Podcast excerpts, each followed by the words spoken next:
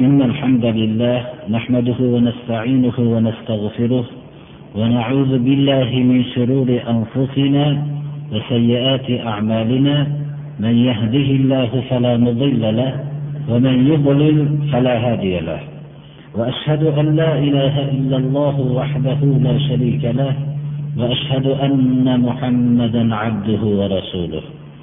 أما بعد السلام عليكم ورحمة الله وبركاته. alloh subhanahu va taolo bizni agar iymon sifatimiz bo'lmasa bizning hech qanday narsaga barobar ya'ni mutlaqo e'tibor ko'rmasligini e'tibor qilmasligini bayon qilib قل ما يعبأ بكم ربي لولا دعاؤكم فقد كذبتم فسوف يكون لزاما ayting ey muhammad alayhissalom Rabbim sizlarni mutlaqo e'tiborga olmaydi. Agar duoilar, ya'ni iymoniylar bo'lmasa. Agar kishida, insonda iymon sifati bo'lmasa, u hech qanday mo'tabar kishi emas. Odamlar o'rtasida e'tiborli bo'lgan bo'lsa, u Allohning huzurida mutlaqo e'tiborga kirmaydi. Kim bo'lishligidan qat'iy nazar qanday soxta obro'larni xalqlar o'rtasida topgan bo'lishligidan qat'iy nazar. Demak, Alloh subhanahu va taoloning huzurida insonlarning e'tibori iymon bilan. Qul ma ya'ba'u bikum robbi laula du'aukum. Hamma mufassirlar laula du'aukumni laula iymanukumga tafsir qilishganlar.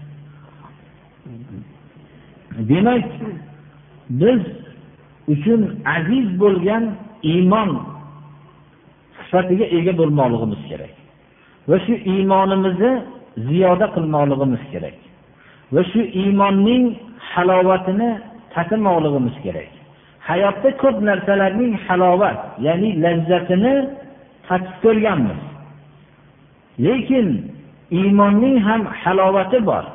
Bu halovatini tatimoqlik kerak. Rum hukmdori Hiraql janobi Rasululloh sallallohu alayhi va sallamning xabarlarini eshitgandan keyin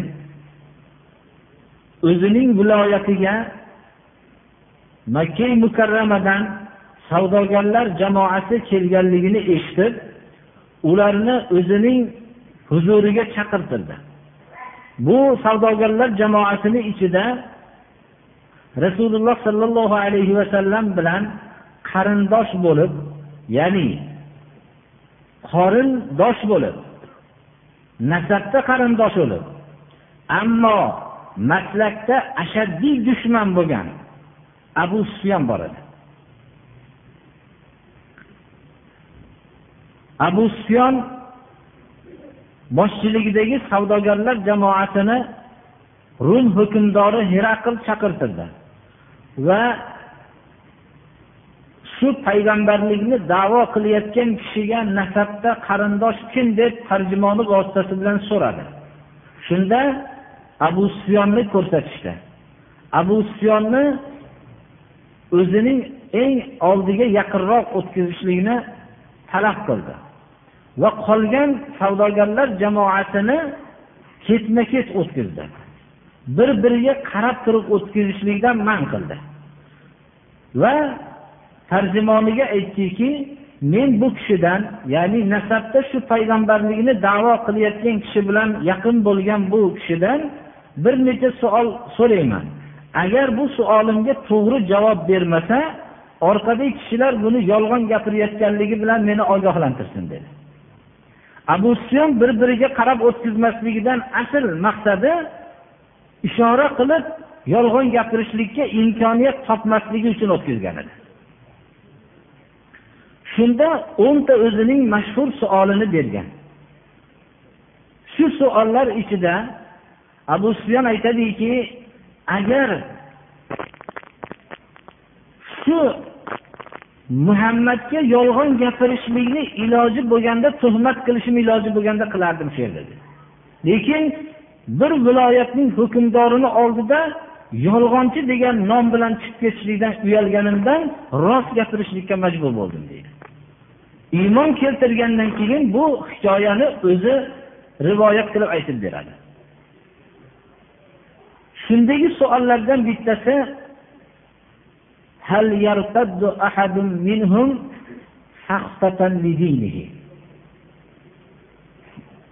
bu payg'ambarlikni da'vo qilgan kishiga ergashgan odamlardan birortasi bu kishini dinini yomon ko'rib tashlab ketyaptimi qaytib ketyaptimi yo'qmi? deb so'radi. Abu sufyon yo'q dedi. Shunda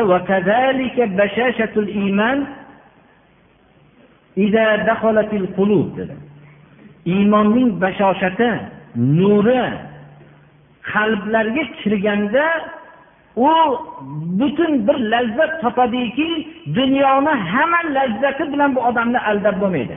Va dunyoning har qanday azob va uqubati bilan bu iymon nuri va iymon halovati qalbiga kirgan odamni aldab bo'lmaydi deb ashaddiy dinsiz bo'lgan ya'ni islom dinisiz bo'lgan hiraql ham bildi.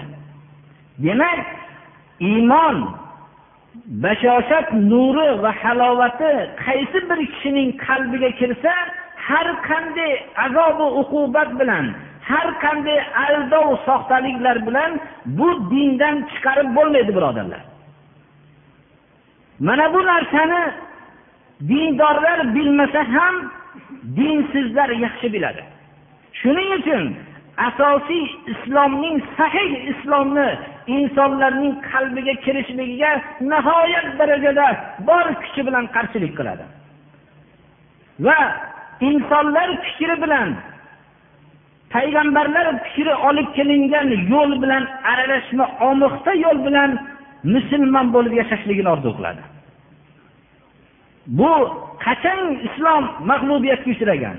Islom odamlar tarafidan islomga o'zining fikrlarini noqis fikrlari olib kirilgan kundan boshlab islom inqirozga uchragan.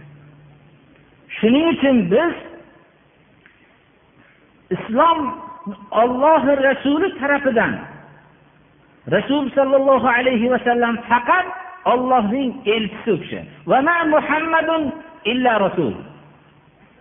Muhammad alayhissalom faqat olloh tarafidan elchi xolos.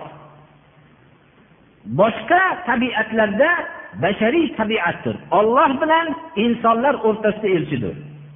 U kishi biror bir islomning bir narsasiga xiyonat qilmagan holatda pok islomni yetkazib keldilar. Kimda kim? Rasul sollallohu alayhi vasallamning olib kelgan yo'liga yaxshi niyat bilan takror aytamiz yaxshi niyat bilan biror narsani olib kelsa u muhammad alayhissalomning olib kelgan yo'lini noqis deb e'tiqod qilishlikdan boshqa emas shuning uchun rasululloh sollallohu alayhi vasallam bid'at haqida qattiq gapirdilar. Eng olamdagi narsaning yomoni. Eng yomonini zino yo boshqa tahsh yo o'g'rilik yoinki boshqa bir yo'l to'sarlik boshqa gunohlardan ham olamdagi narsalarning eng yomoni shariat niyat shariatga olib kirilingan yangi narsalar dedilar. Odamlar tarafidan olib kirilgan narsa eng yomon narsa dedilar. Va har bir olib kirilingan narsa bid'atdir bid'at zalolatdir har bir zalolat jahannam o'tiga olib boradi dedilar. Shuning uchun biz nima uchun shunday? Biz shuni tushunmoqligimiz kerakki shariat shariatga qarshi bo'lishligi bilan inshaalloh rivojlanadi. Shariatga qarshi bu makkor dushman shariatga o'zining tarafidan odamlar tarafidan bo'lgan narsani olib kelishlik bilan shariatning shaffoflik nurini yo'qotadi. Va shu bilan odamlar bu shariatni lekin nuqsonni ko'ra boshlashadilar. Ya'ni odamlar tarafidan qo'shilgan shariatni. Olloh tarafidan kelgan shariat olloh tarafidan jo'natilingan islom insonlarni yaratgan zot tarafidan kelganligi uchun insonlarga shunday muvofiq yengil muloyim bo'lib keladida hamma odam bu sof islomni eshitganda qabul qilib ketaveradi. Ana shu qabul bo'lishligi islom dushmanlari uchun xatardir birodarlar. Shuning uchun islomni odamlar tarafidan takror aytamiz yaxshi niyat bilan olib kirilingan narsalar. Mana shu narsalar bidatdir birodarlar. Insonlar shariatga yaxshi niyat bilan olib kirishlik bilan xato qilishadi. Din ergashmoqlikdir. Rasululloh sollallohu alayhi vasallamga ergashishlik dindir. Ixtiro qilishlik dinda mutlaqo mumkin emasdir. Ixtiro maydoni moddiy olamdir. Har qancha sizdagi ixtiro qilishlikka alloh subhanahu va taolo moddiy olamni bizga yaratib berdiki bu ming afsuslar bo'lsinki musulmonlarning avvalgi ajdodlari moddiy olamda ko'p ixtirolar qilishgan edi. Shariat haqida biror bir narsani ixtiro qilishlikdan o'zlari saqlanishgan edilar ammo keyingilar bo'lsa dinda ixtiro qilishlaru dunyoda ixtiro qilishlikdan boshqalardan orqada qolib ketishdilar o'zi ixtiro maydoni moddiy olam edi. Bizning ajdodlarimiz mana hamma sohada modda olamida ixtiro qilishdilarki va hamma sohada yuqori o'ringa chiqishlar nima uchun? Islomning yo'llanmasi asosida. Mana bu narsa shuning uchun biz iymonning halovati lazzatini tatimoqligimiz kerakki bu iymonning halovati tatilgandan keyin hech bu odamni islom yo'lidan chiqarib bo'lmaydi birodarlar. Xuddi mana tarixdagi ajdodlarimiz sahobalar shunday mustahkam bo'lganlariga o'xshagan. Anas roziyallohu anhudan rivoyat qilinadiki من كن فيه وجد بهن حلاوة الإيمان. أن يكون الله ورسوله أحب إليه مما سواهما وأن يحب المرء لا يحبه إلا لله. وأن يكره أن يعود في الكفر بعد أن أنقذه الله منه كما يكره أن يقذف في النار. hadis sharif muttafaqun alayh imom buxoriy va imom muslim jomi sahihlarda keltirishganlar. Uch narsa borki bu uch narsa qaysi bir kishida bo'lsa iymonning halovatini tatiydi demak har bir narsaning halovat lazzati bo'lganga o'xshagan iymonning halovati bor. Buni halovatini tatishlik uchun uchta sifatga ega bo'lishlik kerak. Olloh rasuli mo'min kishiga boshqa hamma narsadan suyimli bo'lmoqligi kerak. Olloh rasuli eng yaxshi ko'rgan bo'lim yaxshi ko'rilgan bo'lmoqligi kerak. Ota onadan hovli joydan qilib turgan savdo ishlaridan va o'zining farzandlaridan oilalaridan hamma narsadan suyimli bo'lmoqligi kerak. Alloh subhanahu va taolo olloh rasulidan va olloh yo'lidagi jihoddan yaxshi ko'rilgan narsalarni bir qatorga qo'ydi قل إن كان آباؤكم وأبناؤكم وإخوانكم وعشيرتكم وأموال اقترفتموها وتجارة تخشونها ومساكن ترضونها أحب إليكم من الله ورسوله وجهاد في سبيله فتربصوا حتى يأتي الله بأمره والله لا يهدي القوم الفاسقين ayting ey muhammad alayhissalom ota onanglar ko'proq zikr abun kalimasi agarchi otaga iste'mol qilinsa ham ko'p o'rinlarda ota ona ma'nosida bo'ladi ota onanglar va farzandinglar va aka ukanglar va qarindoshinglar va o'zinglar rozi bo'lib turgan maskan joyinglar. Inson o'zining joyida nihoyatda bir yayraydi. Shu rozi bo'lib ixtiyor qilib turgan maskan joyinglar va tashvish to'xtab qolishligidan kasad bo'lib qolishligidan qo'rqqan tijorat.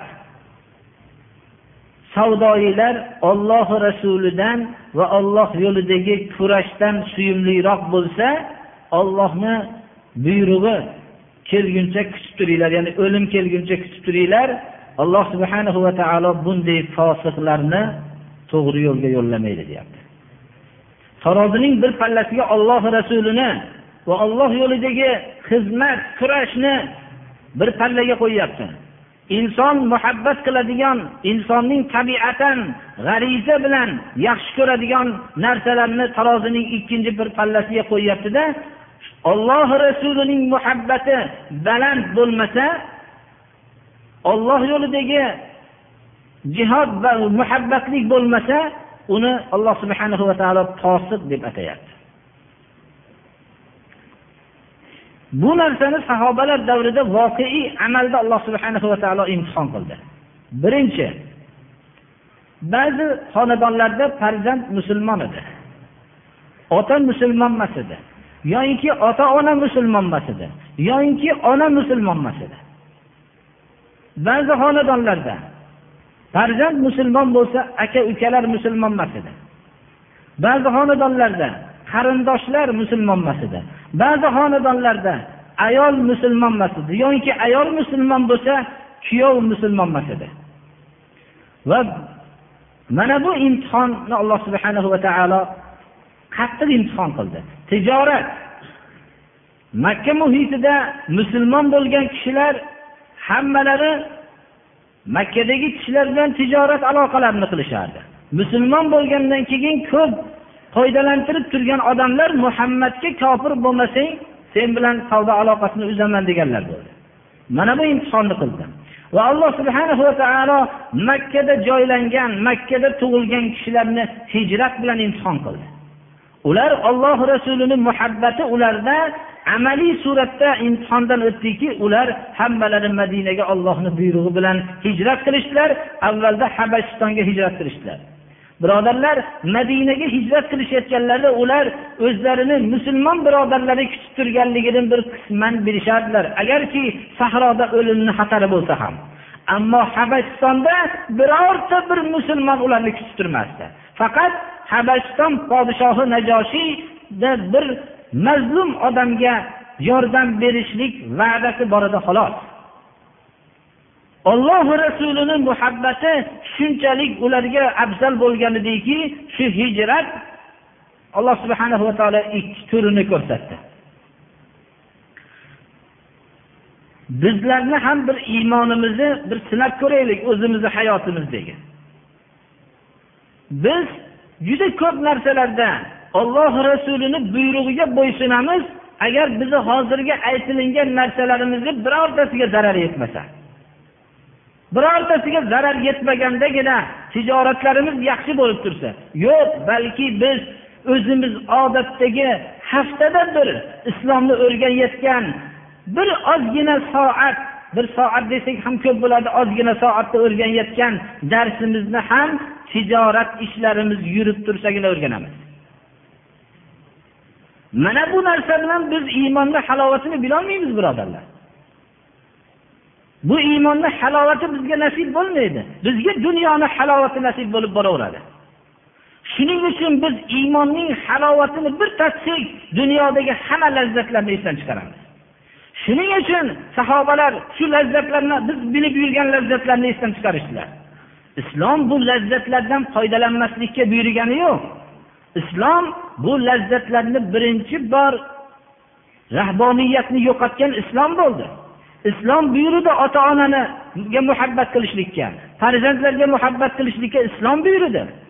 Lekin bu narsa ollohi rasulining muhabbatini ustun qo'ygan holatda buyurdi.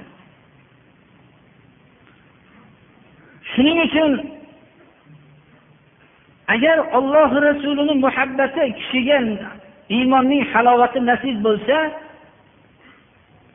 u sahobalar tatigan lazzatdan bir qismida bir bahramand bo'ladi. Shuning uchun sahobalar hamma moli davlatlarni ollohni yo'liga tika oldilar. Chunki olloh rasulining muhabbati afzal edi. Abu bakr roziyallohu anhu tabuk g'azotida hamma mollarini ollohni yo'lida beroladilar. Umar ibn hattob yarim mollarni beroladilar. Usmon roziyallohu anhu uch yuzta mujohidni tuyalari hamma jihozlari bilan jihozloladilar. Birodarlar bu uch yuzta odamni tuya bilan jihozlash degani hozirgi vaqtda eng faxrli sayyoralardan uch yuztasi bilan jihozladi deganlari bu. Hali biz bu tariximizda bir odamni bitta shunday sayyora miqdori bilan bir muhtojni qondirganligini hali biz yaqin tarixda eshitganimiz yo'q birodarlar. Abdurahmon ibn avf o'zlarining mol mulklari katta bir savdo bilan qaytib kelayotganlarida abdurahmon ibn avfning bu karvonlari juda katta bir foyda bilan qaytib kelayotganlarida shunda savdogarlar shu karvondagi hamma matoyu narsani katta bir foydaga olishmoqchi bo'ldi. Shunda aytdilarki men buni kattaroq foydaga sotib qo'ydim dedilar. Ikki barobar beramiz. Yo'q men kattaroq foydaga sotib qo'ydim dedilar. Uch barobar beramiz dedilar. Kattaroq foydaga sotib qo'ydim dedilar. Men o'n barobardan yetti yuz barobargacha beradigan zotga bu molimni savdo qilib qo'ydim dedilar.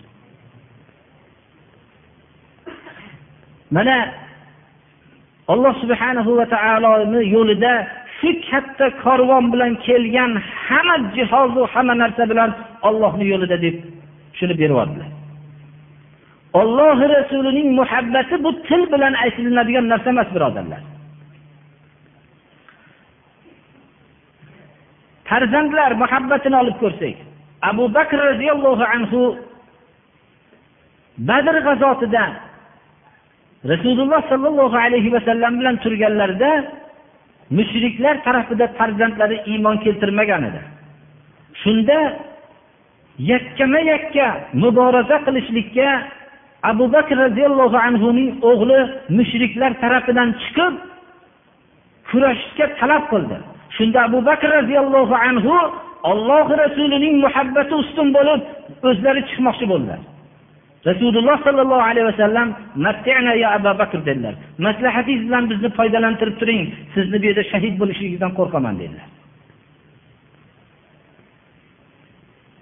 Aka ukalar zikrini aytishligimizni hojati yo'q. Buni misoli ko'p bo'ldi birodarlar qarindosh urug'larni zikrini aytishligimizni hojati yo'q. Bu ham misoli ko'p bo'ldi. Buni misoli har bir sahobadan topishligimiz mumkin.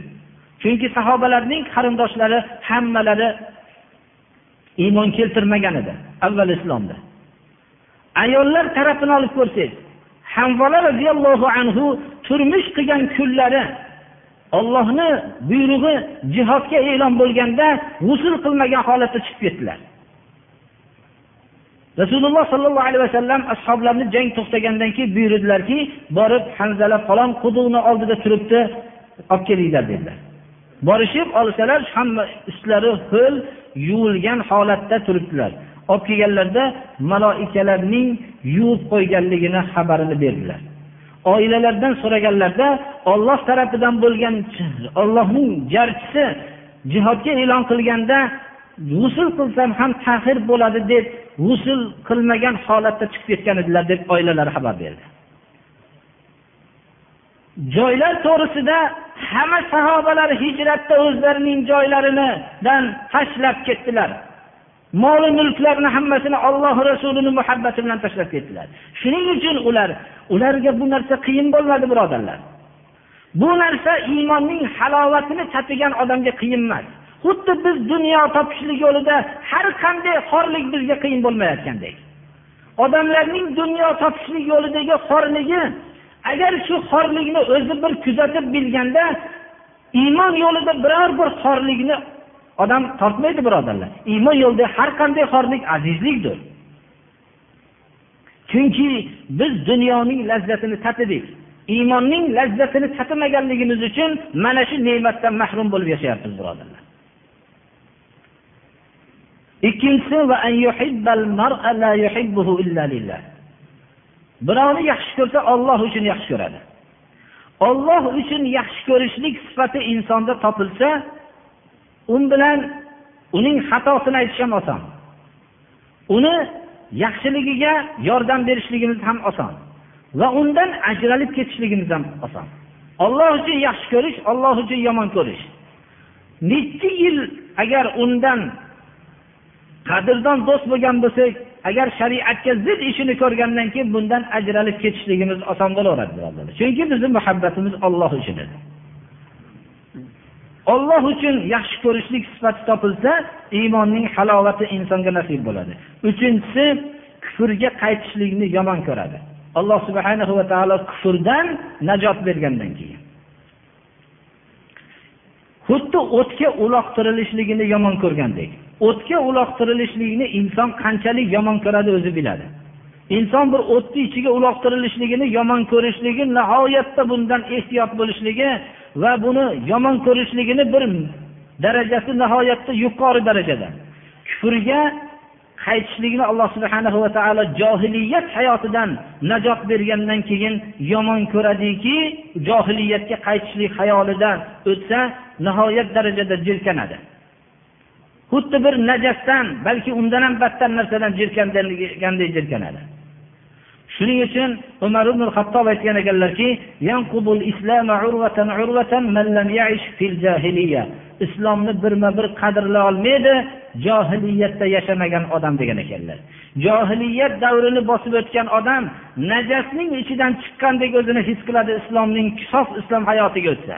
Mana buni johiliyat davrini bilmagan odam islomning birma bir qadrlay olmaydi degan ekanlar. Lekin ming afsuski ba'zida quloqqa chalinib qoladiki menga hadeb bu narsalarni gapiraverma bo'lmasam ilgarigi jinniligimga qaytib ketaman deydigan so'zlar eshitilib qoladi. Bu narsa iymonning halovati mutlaqo nasib bo'lmagan odamlarning so'zidir. Alloh subhanahu va taoloning huzurida takror aytamiz mutlaqo e'tiborimiz bo'lmaydi agar iymon sifati bo'lmasa birodarlar. Mana bu iymon sifati bilangina biz ollohni huzuridan mo'tabarmiz va bizning shu sifatga shu halovatni tattirmayotgan narsalar hozirgi zikr qilingan narsalardir.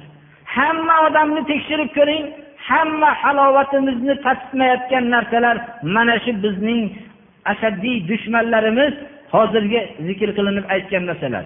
Lekin takror aytaman islom bu narsalarni yomon narsa demaydi. Lekin shu narsalarga bog'lanib qolishlikni yomon narsa deydi. Bu narsalar uchun inson yaratilmagan. Bu hovli joylar hammasi inson uchun yaratilgandir. Biz inson bu uchun yaratilmaganmiz birodarlar. Alloh subhanahu va taolo yetti toifani o'zining soyasi bilan soyalantirishligini rasululloh sollallohu alayhi vasallam hadisi muboraklarida mana bayon qildilar. Bu hadis sharif ba'zi o'rinlarda eshitilgan bo'lsa ham abu hurayra roziyallohu anhu rivoyat qiladilarki payg'ambarimiz sollallohu alayhi vasallamdan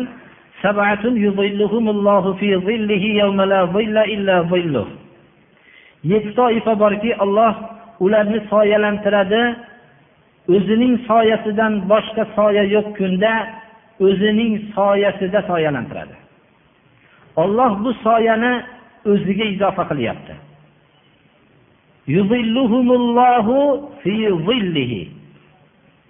Agar bir kishi jazirama issiqda tursa unga bir soyabonni ko'tarib bir hurmatli odam ushlab tursa agarki u soyabon oddiy bo'lsa ham shunda qalbida bir muhabbat bir xursandlik bo'ladi va hijolatlikki bu soyadan afzal soyabon deb bilmaydi. Chunki uni soyalantirib turgan bir hurmatli odam bir inson u ham kim bo'lishligidan qat'iy nazar. Shu bir inson agar unga soyabon qilib shunday salqinlatib turgan bo'lsa jazirama issiqda turgan vaqtida nihoyatda bir shuncha hurmatli odam umrbod buni gapirib yuradi. Meni shunday hurmatli odam shuni hurmat qilib shunday qil deydi. Bu yerda olloh robbil alamin soyalantiradi. O'zining soyasida oddiy soya emas soyani o'ziga izofa qilyapti. Olloh soyalantiradi deyapti. Alloh robbil alamin shunday zaif bandaning xizmatida bo'lib soyalantirib turadi. O'zining soyasida biz daraxtlarning soyasi bilan qanchalik lazzatlanamiz?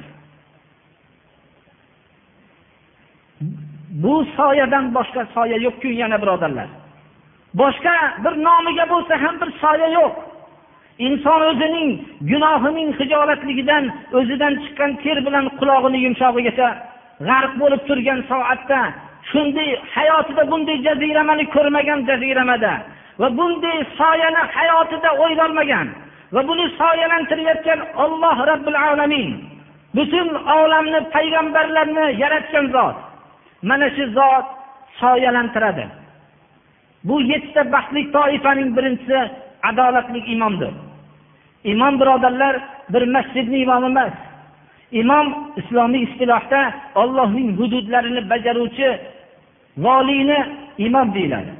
Agar bir o'g'rilik bilan qo'lga tushsa uni qo'lini qirqishlikka qodir bo'lgan va biror bir fahsh ishlar bilan zino bilan tushsa uning islom shariatini ijro qilishlikka qodir bo'lgan kishini imom deyiladi islom islohida. Adolatlik ya'ni o'zi adolatlik deganning ma'nosi o'z öz o'zidan ma'lumki musulmon imom. Islomning ko'rsatmasiga binoangina havosiga emas islom ko'rsatmasiga binoangina amal qiladi. Inson adolatni o'zida qo'lida har qanday ish qilishlikka huquq bo'lgan holatda insonning adolati shunda ma'lum bo'ladi. Ya'ni qo'lida huquq bor. O'zining nafsi havosini ishini ham qilishlikka qodir. Lekin o'zi qodirmas bo'lib majbur bo'lib adolat qilishligi boshqa imomning adolat qilishligi boshqa. Masalan bir odam o'zi zaif adolat qilmaslikka iloji ham yo'q. Bu odamning adolati boshqa imomning adolati boshqa.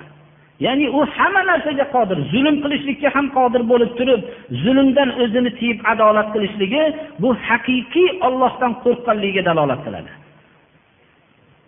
Shuning uchun ham tavozi zinek mardon neko'z gado gar tavozi kunat tavozi kichik ko'ngillik katta odamlardan go'zaldir. Ya'ni katta odam kichik ko'ngillik qilsa buni mutavozi kichik ko'ngil odam deymiz. Gaday agar kichik ko'ngillik qilsa uni o'zini fe'lida kichik ko'ngillik qilmasdan boshqa chorasi ham yo'q uni. Uni ishi shu kichik ko'ngillilik bilan yuradi. Odamlarga kamtar bo'lishlik bilan yuradi. Uni gadayni bunday kamtar bo'lib birovlarga egilib yurishligida bu kamtar gaday ekan deyilmaydi. Ammo o'zi hurmatli bo'lib turib o'zini kichik sanolasa mana bu odamni kichik ko'ngil kamtar odam deyiladi. Shunga o'xshagan adolatni kim? Adolat qilmasdan boshqa ilojingiz yo'q. Bunaqa odamni adolatli deyilmaydi. Shuning uchun bu hadis sharifda imamun adilun deb qayd qilinyapti. Rajulun adil emas mutlaq adolatli emas. Qo'lingizda huquq bor. Huquq bo'lib turgan vaqtda adolat qilolmagan kishi ollohning soyasida olloh soyalantirib turadi uni.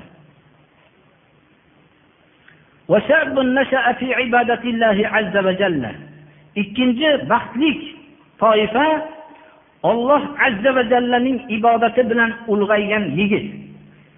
Shabbun kalimasi umumiy kelganda hadis shariflarda shabbun va shabba kelaveradi. Ya'ni o'g'il qizlar yigit va qizlar. Havasga berilgan butun nafsi havoga beriladigan soatlarda ollohning ibodatida ollohning buyrug'ini ijro qilishlik bilan o'zining hayotini mashg'ul qilgan yigit va qizlar ollohning soyasida olloh ularni soyalantirib turadi qariganda ollohni ibodatiga xohlasa ham xohlamasa ham burilib qoladi. Qabr ko'ziga ko'rinib qoladi birodarlar. Hech bo'lmasam qabr ko'rinmasa mahalladagi xudoilar ko'zga ko'rinib qolib namoz o'qib qoladi. Ana bu narsalar mahallada hijolatlik qo'lga o'tib shu hech bo'lmasa shu ibodat qila boshlaydi. Ammo yigitlik va qizlik davrlarida alloh subhanahu va taolodan haqiqiy qo'rqqan odamlargina suvagi ollohni ibodati bilan shirkdan ehtiyot qilishlik bilan kalimasidan biz tushunaylikki ollohni ibodati inson bilan jinni alloh subhana va taolo faqat o'zigagina ibodat qilishlik uchun yaratgan edi. Mana shu maqsad yo'lida yigitlik davrida o'zining hayot yo'nalishini to'g'irlab olgan unday safsatalarga har xil zalolatlarga berilmagan. Ollohning yakka ibodati o'zining ibodati bilan suvaga qatgan yigit va qizlar ollohning soyasida bo'ladi.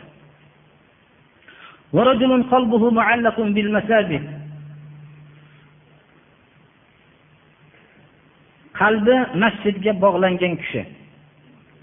Masjid tavhid va Allohning yakka ibodatini ta'lim beradigan joy bo'lganligi uchun birodarlar qalbini masjidga bog'lagan kishi jamoat namoziga e'tibor berib butun qalbini bog'lagan kishi Allohning soyasida Alloh soyalantiradi. Rasululloh sallallohu alayhi vasallamning masjidlari Abu Bakr radhiyallohu anhu, Umar ibn al-Xattobdek kishilarni va hamda Abu Ubaydadek qo'mondonlarni va Abu Dardoga o'xshagan hakim kishilarni Abdulloh ibn Abbosdek Qur'on mufassirlarini hamma zotlarni tarbiyalagan shu oddiy kichkina masjidlari edi. Shu masjidda tarbiya topishgan edilar. Demak, islomda masjid juda katta o'rinni tutadi. Bu o'rinni musulmonlar tushunmasa ham, musulmonlarning dushmanlari yaxshi tushunishgan tarixda. Ular masjidlardagi butun masjidlardagi haqiqiy ta'limni yo'qotishgan. Shu sababli islomni bilmagan avlod vujudga kelganda va masjiddan beziydigan avlod vujudga kelgan. Rasululloh sallallohu alayhi vasallamning hech joylari yo'q edi. U kishining bir kichkina oddiy masjidlari bor edi. Shu masjidda tarbiyalanadilar. Sahobalar, ba'zi uzoqlarda bo'lgan sahobalar Madinaga hijrat qilingandan keyin o'zlarining ixtiyorlari yo'q edi qayerda joylanishligida. Shuning uchun Madinaning chetlariga ham joylanib qolishdilar.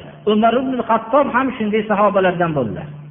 Ansoriy bir birodarlari bilan Rasululloh sollallohu alayhi vasallamning masjidlarida o'zlarining yangi hijrat qilib kelganliklari sababli ba'zi bir dunyoviy kasblari sababli bo'lsa ham payg'ambarimiz sollallohu alayhi vasallamning oldidagi masjiddagi darsni navbatlashib o'rganib turardilar umar ibn hattob mana imom buxoriy rivoyat qilganlar bir kun umar ibn hattob roziyallohu anhu borardilar ikkinchi kunida ansoriylardan bo'lgan birodarlari borib shu kundagi olgan darslarni bir birlariga o'rgatib turardilar. Shu darajada ehtimom qilishgan edilar. Demak qalbi masjidga bog'lanib turgan degan kishi bu bu kishi haqiqiy ollohni soyasida Alloh soyalantiradigan kishilardandir. Endi masjidlarning buzilib qolishligi masjidlardagi haqiqatning yo'qolishligi u masjidning aybi emas birodarlar.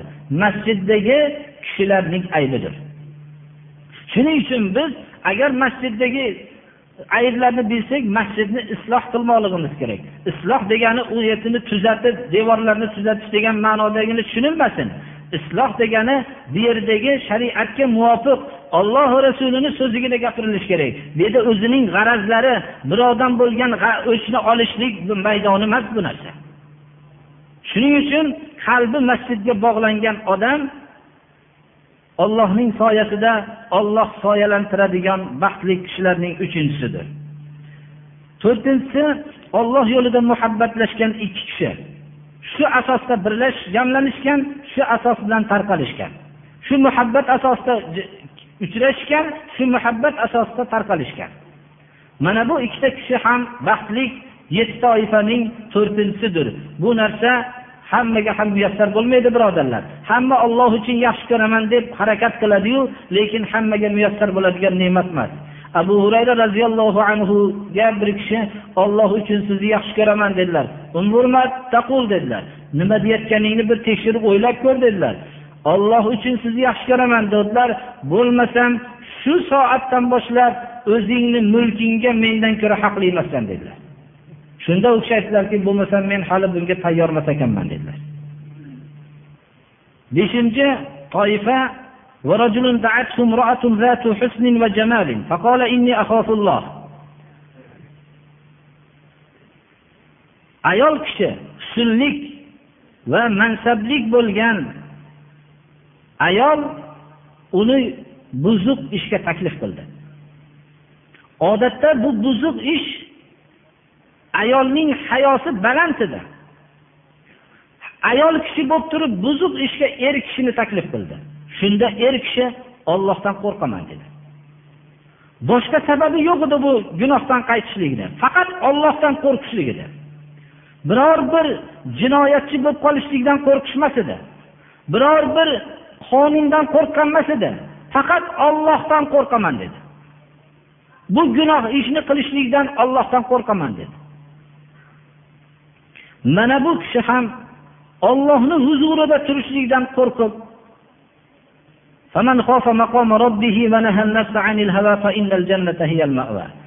robbining huzurida turishlikdan qo'rqib nafsini tiygan bo'lsa uning jannat haqiqiy qarorgohidir deydi alloh subhanava taolo. Allohning bandalari mana shu sifatda bo'lgan tarixdagi bandalari ko'pdir birodarlar.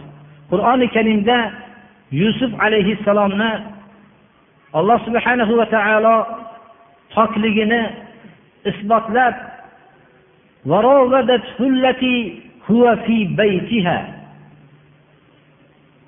yusufni buzuq ishga taklif qildi. Yusuf uyida turgan ayol deyapti. Ya'ni bir kishi ayol kishining uyida bo'lsa u o'zining uyini sharoitini yaxshi tushunadi. Qur'oni karim daqiq ibora bilan ifodalayapti. U ayol kishi uyining sharoitini yaxshi biladi. Ayol kishining o'zini uyida bo'lib turib u musofir bo'lib turib uni ayol kishi taklif qilgan vaqtda bundan to'xtashlik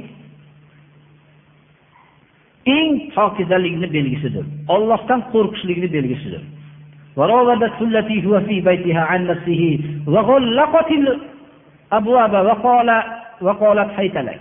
Darvozalarni eshiklarni bekitib abvab kalimasi kelyapti. Bitta darvozani emas bir necha darvozalarni bekitdiki shunday buzuq ishga shunday sharoitni yaratdi. Hech kim bilmaydigan qildi. Va talab qildi ayol kishi. Mana shu soatda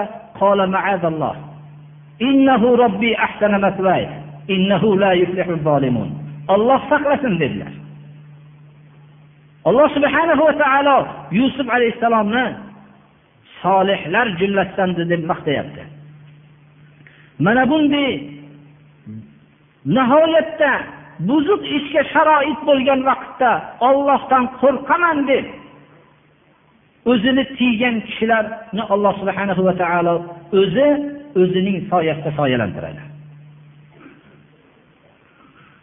ورجل تصدق بصدقة فأخفاها حتى لا تعلم شماله ما تنفق يمينه oltinchi toifa bir kishi bir sadaqot berdida uni maxfiy qildi hattoki chap qo'li o'ng qo'li berganini bilmadi Maxfiy sadaqot qilishlik ham alloh subhana va taolo o'zi baxtli qilgan kishilarga nasib bo'ladi. Har bir kishi shu yerda o'tirganlar bir o'ziga savol qilib ko'rsin. Biror bir sadaqotni maxfiy qilganmanmi desin. Mabodo maxfiy qilgan bo'lsa hozirgacha maxfiy saqlaganmanmi desin. Hozirgacha maxfiy saqlab kelgan bo'lsa buni bu yoqda maxfiy saqlonlarmikin mana bu ham dahshatdir birodarlar. Bu mabodo biz maxfiy saqlagan bo'lsak birorta qattiq gunohlarimizni maxfiy saqlaymiz.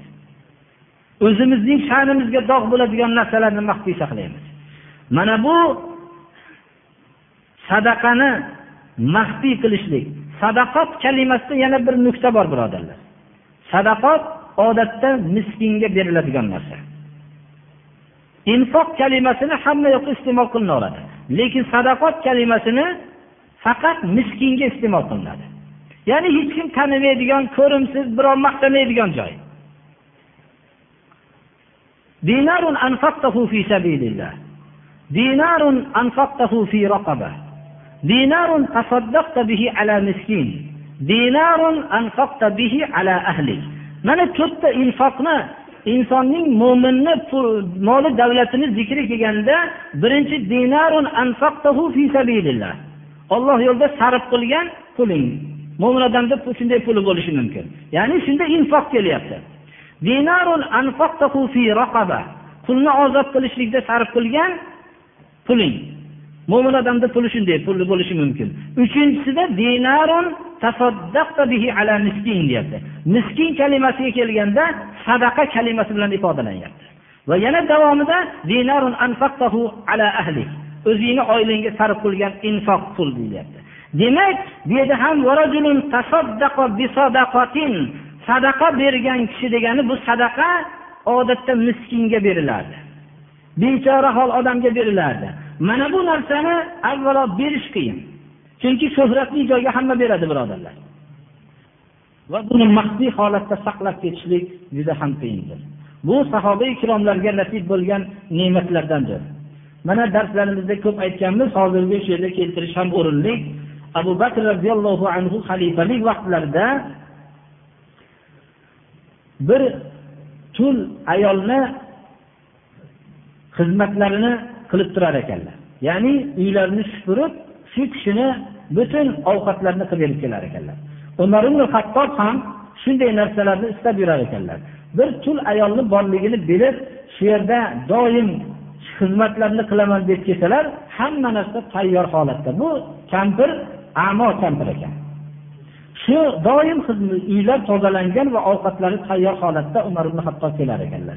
Shu narsani kim qilar ekan deb kuzatsalar bu kishi abu bakr roziyallohu anhu yer kurrasining musulmonlarning xalifasi ekanlar.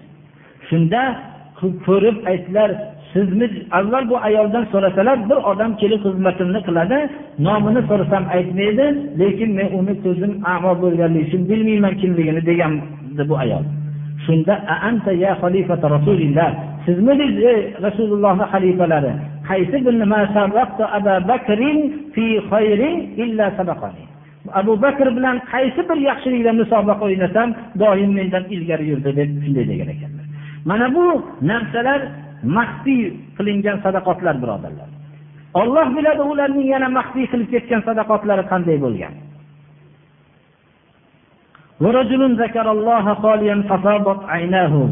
Ollohni xoli holatda zikr qilgan kishi ham ko'zidan yosh oqqan. Kalimasi aynahuda tobatga isnodini berilyaptiki ko'zi oqib ketadigan darajada ko'p ollohni rahmatini umid qilib azobidan qo'rqib yig'lagan. Mana bu odam ham ollohning soyasida olloh soyalantiradigan kishilar jumlasidandir. Bu sifatlarni tekshirib ko'rar ekanmiz. Birinchi qismi peshvolarga taalluqli. Ikkinchi qismi yigit qizlarga taalluqli. Uchinchi qismi ommaviy kishilarga masjidga qalbi bog'langan. To'rtinchi qismi ijtimoiy holatki olloh yo'lida do'stlashganlarga. Beshinchi qismi fahsh gunohlardan o'zini tiyollagan oliy suratda tiyollaganlar. Bu jamiyatda pok bo'lib yashagan insonlar. Beshinchi oltinchi qismi oltinchi qismi bu maxfiy sadaqotlar berolmagan. Yettinchi qismi o'zining bilan ollohni o'rtasini tuzata olmagan odamlar. Agar tekshirar ekanmiz shu sifatni vujudga keltirishlikka harakat boshlanishligi bilan jamiyatdagi juda ko'p hay'atlar bekor bo'lib qoladi birodarlar. Hozirgi vaqtda juda bir hay'atlar juda ko'paygan. Ya'ni zulmga qarshi agarki so'z bilan bo'lsa ham isman bo'lsa ham zulmga qarshi. Butun hozirgi shu aytilingan masalalar islomda sahobalar va tobeinlar tarafidan ro'yobga chiqarilishlikka harakat qilinganligi sababli jamiyatda alohida muassasalarni tashkil qilishlikka hojat bo'lmadi. Kasalxonalarni tashkil qilinishlikka hojat bo'lmadi. Bu kambag'al yetimparvarlik deb atalgan joylarni qurishlikka hojat bo'lmadi. Qariyalar uyini tashkil qilishlikka hojat bo'lmadi. Chunki maxfiy sadaqotlar bilan hamma ish bajarilaverdi bu narsalar agarki bir qisman qolgan bo'lsa ham o'zining komil suratda bo'lmasa ham bir qisman musulmonlar o'rtasidagina shu narsalar saqlanib qoldi. Alloh subhanahu va taolo bizlarni ham shu yettita toifani bittasidan bo'lishlikka alloh taolo tavfiq bersin. Shu yerda men ko'p yoshlar bo'lganligi uchun shu ollohni ibodati bilan ulg'aygan yigit va qizlar degan o'rnida bir to'xtalmoqchiman qisqa. Yigitlik shunday davrki bu davrda yoshlik umuman o'g'il bolayu qiz bolaga nisbatan yoshlik shunday davrki tarixdagi hamma katta ishlarni qilib ketgan odamlarni tarixini tekshirsangiz ular biz bilan sizdan boshqacha odam bo'lgan emas birodarlar. Faqat yigitlik davrida yoshlik davrida ollohning ibodati bilan ulg'aygan kishilar bo'lgan xolos. Shu vaqtda o'zlarining hayot yo'nalishlarini to'g'ri topib olishgan. Shu sababli ular dunyoda shunchalik katta ishlarni qilolmaganlar. Inshaalloh ular oxiratda ollohning soyasi bilan soyalantiriladigan kishilar jumlasidan bo'lishadi. Shuning uchun bu yoshlik birodarlar ukalar qaytib kelmaydi. Olloh nimaga buyurgan bo'lsa shuni qilaman deb shu ollohni ibodati bilan ulg'aymoqlik kerak. Shu shu vaqtdagina ibodat bilan ulg'aygan odamlar ular sof insonlar bo'lolmaydi dunyoda. Shuning uchun bu davrni qo'ldan berib qo'ymaslik kerak birodarlar. Takror aytaman hech qanday bir boshqacha odamlar bo'lgan emas tarixdagi odamlar. Faqat shu davrini hayot yo'nalishini to'g'rilab olgan odamlar bo'lishganlar. Rasululloh sollallohu alayhi vasallamning yo'llanmalaridan ba'zilarini ma'lum qilamiz. Payg'ambarimiz sollallohu alayhi vasallamga xursand qiladigan biror ish hosil bo'lsa deb qo'yar ekanlar. Ya'ni ollohni ne'mati bilangina hamma solih ishlar kamol topadi deb qo'yar ekanlar. Xursand bo'ladigan ish bo'lganda. Biror bir yoqimsiz bir narsa bo'lsa alhamdulillahi ala kulli hal deb qo'yar ekanlar. Allohga hamd bo'lsin hamma holatga deb qo'yar ekanlar. Payg'ambarimiz sollallohu alayhi vasallamga bir xursand bo'ladigan bir ish bo'lib qolsa ba'zi vaqtlarda darrov yiqilib sajda qilib allohga shukur qilar ekanlar biror bir xalqdan qo'rqib tashvish ziyoda bo'lib ketsa Allohumma inna naj'aluka fi nuhurihim va na'udzu bika min shururihim der ekanlar. Ey Alloh, seni ularning ro'barolariga qo'yamiz va ularning yomonliklaridan panoh istaymiz der ekanlar. Alloh insonning oldiga o'tib, agar dushmanga ro'baro bo'lsa, dushmanni holiga voy bo'ladi, birodarlar.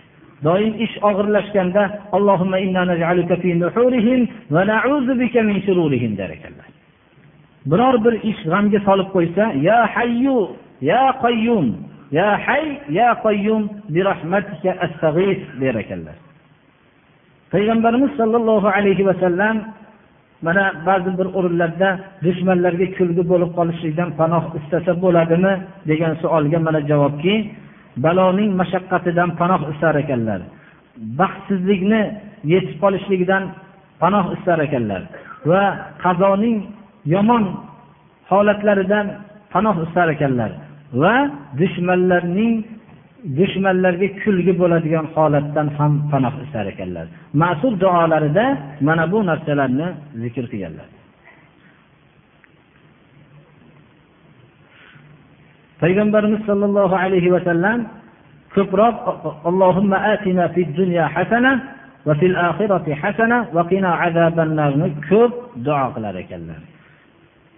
Bir suhbatni tamomlagan vaqtlarida subhanakallohumma robbi va bihamdik la ilaha illa anta astag'firuka va atubu ilayk va atubu ilayk deb shu so'zni aytar ekanlar ya'ni subhanakallohumma robbi va bihamdik la ilaha illa anta astag'firuka va atubu ilayk kalimasini kim aytsa majlisda shu majlisdagi xatolarga kafforat bo'ladi deb qo'yar ekanlar ba'zi rivoyatlarda boshqacharoq subhanakallohumma bihamdik ashhadu an la ilaha illa anta va astag'firuka va atubu ilayk namoz o'qigan vaqtda ko'proq sajdagohga qarab turiladi birodarlar. Ba'zi savollar bo'libdi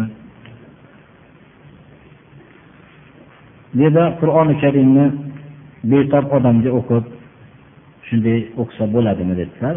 Qur'oni karim aslida bizning hayotimizni manhaji birodarlar qur'onni o'qib va bunga biz o'rganib tadabbur qilib va amal qilishligimiz uchun tushgan rasululloh sollallohu alayhi vasallamdan rivoyat qilingan o'zlari surai alaq bilan suratu nosni kasal bo'lib toblari qochgan vaqtda o'qib o'zlarini qo'llarini qodir bo'lgan o'rinlariga shuni o'qib surtirdilar. Shuni qilsak sunnatga muvofiq bo'ladi. Menda bir kishi so'rabdilarki doim tahorat bilan yurardim bir birodarimiz har tahorat qilganingda ikki rakat namoz o'qishga haqqi bor dedi. Ya'ni bu narsa shuki doim tahorat bilan mo'min kishilargina yuradi deganlar. Shuning uchun tahorat bilan yurishlik yaxshi. Ikki rakat namoz o'qishlik haqida abu hurayra roziyallohu anhuga bu sizni jannatga mendan ilgari olib kirgan narsa nima deb u kishiga aytdilarki jannatda oyoq tovushingizni eshitdim merosda deganlarda aytdilarki men odatim doim tahorat qilsam ikki rakat namoz o'qiyman. Shu dedilar shu bo'lsa kerak deb qo'ydilar. Shuning uchun ikki rakat namoz o'qishlik yaxshi lekin albatta o'qish kerak degan so'z emas bu. Ho'p masalan bu turmush qilgan vaqtda farzand ko'rgan vaqtdagi bu qirq kun degan so'z bu qirq kun bunaqa gap yo'q birodarlar. Hozir biz aytib o'tyapmiz darsimizda uylangan kuni jihodga chiqib ketganlar birodarlar. Agar biz hozirgi aytilayotgan shu narsalarga farzlarga ham shunaqa e'tibor berganimizda ollohni avliyolaridan bo'lib ketgan bo'lardik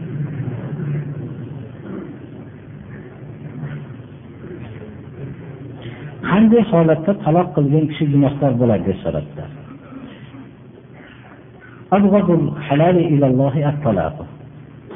allohga eng yomon ko'rilingan halol narsa taloqdir. Taloq halol.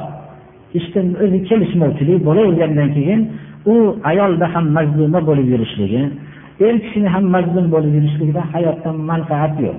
Shuning uchun taloqni alloh taolo mashru qildi. U ham mazlum mazluma bo'lib yurishmasin lekin taloqni o'z xohishicha qilishlik shariatga xilof suratda taloq qilsa gunohkor bo'ladi. Sunniy taloq ya'ni gunohkor bo'lmaydigan taloq nima? Pokiza bo'lgan ya'ni uzrli holatdan tozalangandan keyin ayol kishi shunda qo'shilinmagan holatda taloq qiladi. Agar taloq qilmoqchi bo'lsa uzrli holatda bo'lsa kutib turadi. To pokiza bo'lishligini kutib turadi. Bunda shariatning bir nuqtasi shuki inson uch kun to'rt kun va hokazo olloh iroda qilguncha qancha kun tursa o'zining g'azabidan tushib noto'g'ri xato qilyaptimi to'g'rimi buni tekshirib oladi. Men bu yerda ochiq gapiraman. Endi pokiza bo'lgandan keyin bu bilan ajralishlikdan ilgari mabodo qo'shilmoqchi bo'lsa qo'shilishligi bilan taloq qilishligi mumkin bo'lmay qoladi. U yana kutishlik kerak bo'ladi.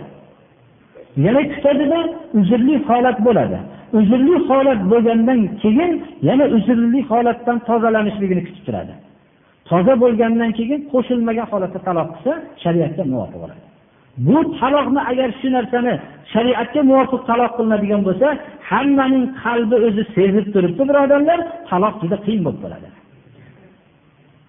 Agar kimda kim uzrli holatida taloq qilsa gunohkor bo'ladi. Agar uzrli holatdan tozalanib yandan keyin qo'shilgan tuhurda taloq qilsa ham bunda ham gunohkor bo'ladi. Birodarlar bir ayolni masalan kuyovi o'lsa deydi idda saqlash kerak. To'rt oy o'n kun hammamizga ma'lum. Shu idda muddatida dars olgani chiqsa dars bergan chiqsa bo'ladimi? Yo'qmi? Ilm o'qinglar degan ham alloh subhana va taolo. Idda vaqtida bir yoqqa chiqmanglar degan ham alloh subhana va taolo. Demak biz ollohni buyrug'ini qilmoqligimiz kerak. Shu vaqtda dars bermasdan dars olmasdan uyda o'tirishligimiz dars oladigan bo'lsa kelib olib ketishligi afzaldir. Tushunarlimi? Masalan bir odam aytmaydiki mahram bilan safar qilsin deganda axir uning joyiga ketyapti uch kunlik masofaga dars bergani ketyapti bunga bo'laversa kerak mahramsiz deyilmaydi. Mahramsiz dars bergani qur'onni ta'limini bergani chiqsa gunohkor bo'ladi. Hajga boradigan bo'lsa gunohkor bo'ladi. Biz ollohni buyrug'ini qilishlikka ma'murmiz shuni. Ho'p g'usulda qilingan tahorat namozga yaraydimi degan savol o'tdi. Bu hadislarni zohiri shuki avvalda tahorat qilib keyin g'usul qilinadi. Shunda mushtahid ulamolarning o'rtasida ixtilof borki inson o'zining e, zakarini ushlasa ya'ni tahorati ketadi deyishganlar.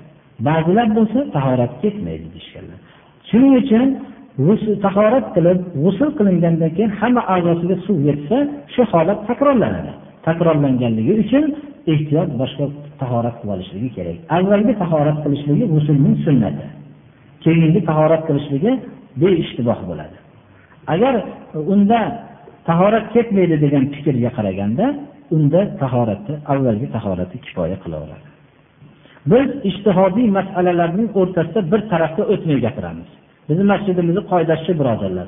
Xohlagan bu hujjatlarni eshitgandan keyin xohlagan ishtihodni dalilga qarab turib amal qilaversinlar. Birodarlar bir odamni noto'g'ri yo'llar bilan pul topsa ehson qilsa ya'ni odamlarni chaqirib mehmon qilsa bismillah aytib yursa degan gaplar bor bu haqda biz chuqur ketmasligimiz kerak. Biz bilamizki bir odam mast qiluvchi ichimlikni sotib pul topsa harom deymiz. Bir odam to'ng'iz qurishlik qilib pul topsa harom deymiz. Bir odam o'g'rilik qilib pul topayotgan bo'lsa harom deymiz. Sarih bo'lgan nimalarni ko'rsak harom bo'ladi. Lekin biz uni ko'rmagan narsamizni sen harom topyapsan deyishlikka haqqimiz yo'qdir birodar. Shuning uchun bunaqa narsalarni chuqur tekshirishlik bizga to'g'ri kelmaydi. Rasululloh sollallohu alayhi vasallam bir mushriknikiga kirdilar. Kirib ziyofat qiluvdi kirdilarda iymon aytsang ovqatingni yeyman dedilar. U iymon aytdi. Iymon aytishligini ovqatlarni yedilar. Shundan keyin bu xabar mushrik abu jahlga yetib keldi. Abu jahl aytdiki sen muhammadni chaqirib iymon keltiribsan uyingda dedi. Bo'ldi bir ulug' odam eshigimga keluvdi. Shu odam meni ovqatimga taklif qilsam kelib ovqatimni faqat iymon kalimasini la ilaha illalloh muhammadu rasulullohga qoyil bo'lsang ovqatingni yeyman dedi. Shuning uchun men bu odamni dedimda uyimdan shunday holatda chiqmasin deb iymon keltirdim dedi. Ya'ni haqiqiy iymon keltirdim demadi. Shu ovqatimni yeyishlik uchun iymon keltirdim dedi. Payg'ambarimiz sollallohu alayhi vasallam uning zohiri la ilaha illalloh muhammadu rasululloh degandan keyin mo'min bo'ldi va shuni ovqatini yedilar. Ya'ni u mushrik edi. Shu kalima bilan o'tdi. Endi bu kalimani aytgan odam shirk amalni qilsa mushrik bo'laveradi birodarlar. Undan keyin qilsa. Hozir shu kalimani aytgan odam mo'min bo'ladi mushriklik bosqichidan o'tadi. Shunda abu jahl aytdiki agar shu muhammadni ko'rib yuziga tupurib yuziga tepmasang men sen bilan gaplashmayman dedi. Bu shu ishni qildi. Biz mana shu narsadan ham o'zimizga biz chuqur ketmaylik ba'zi narsalarga. To'g'ri. Biz shariatda harom bo'lgan narsa bilan shug'ullangan odamni moli davlatini harom deyishlikda shak shubha demaymiz shak shubha qilmaymiz buni.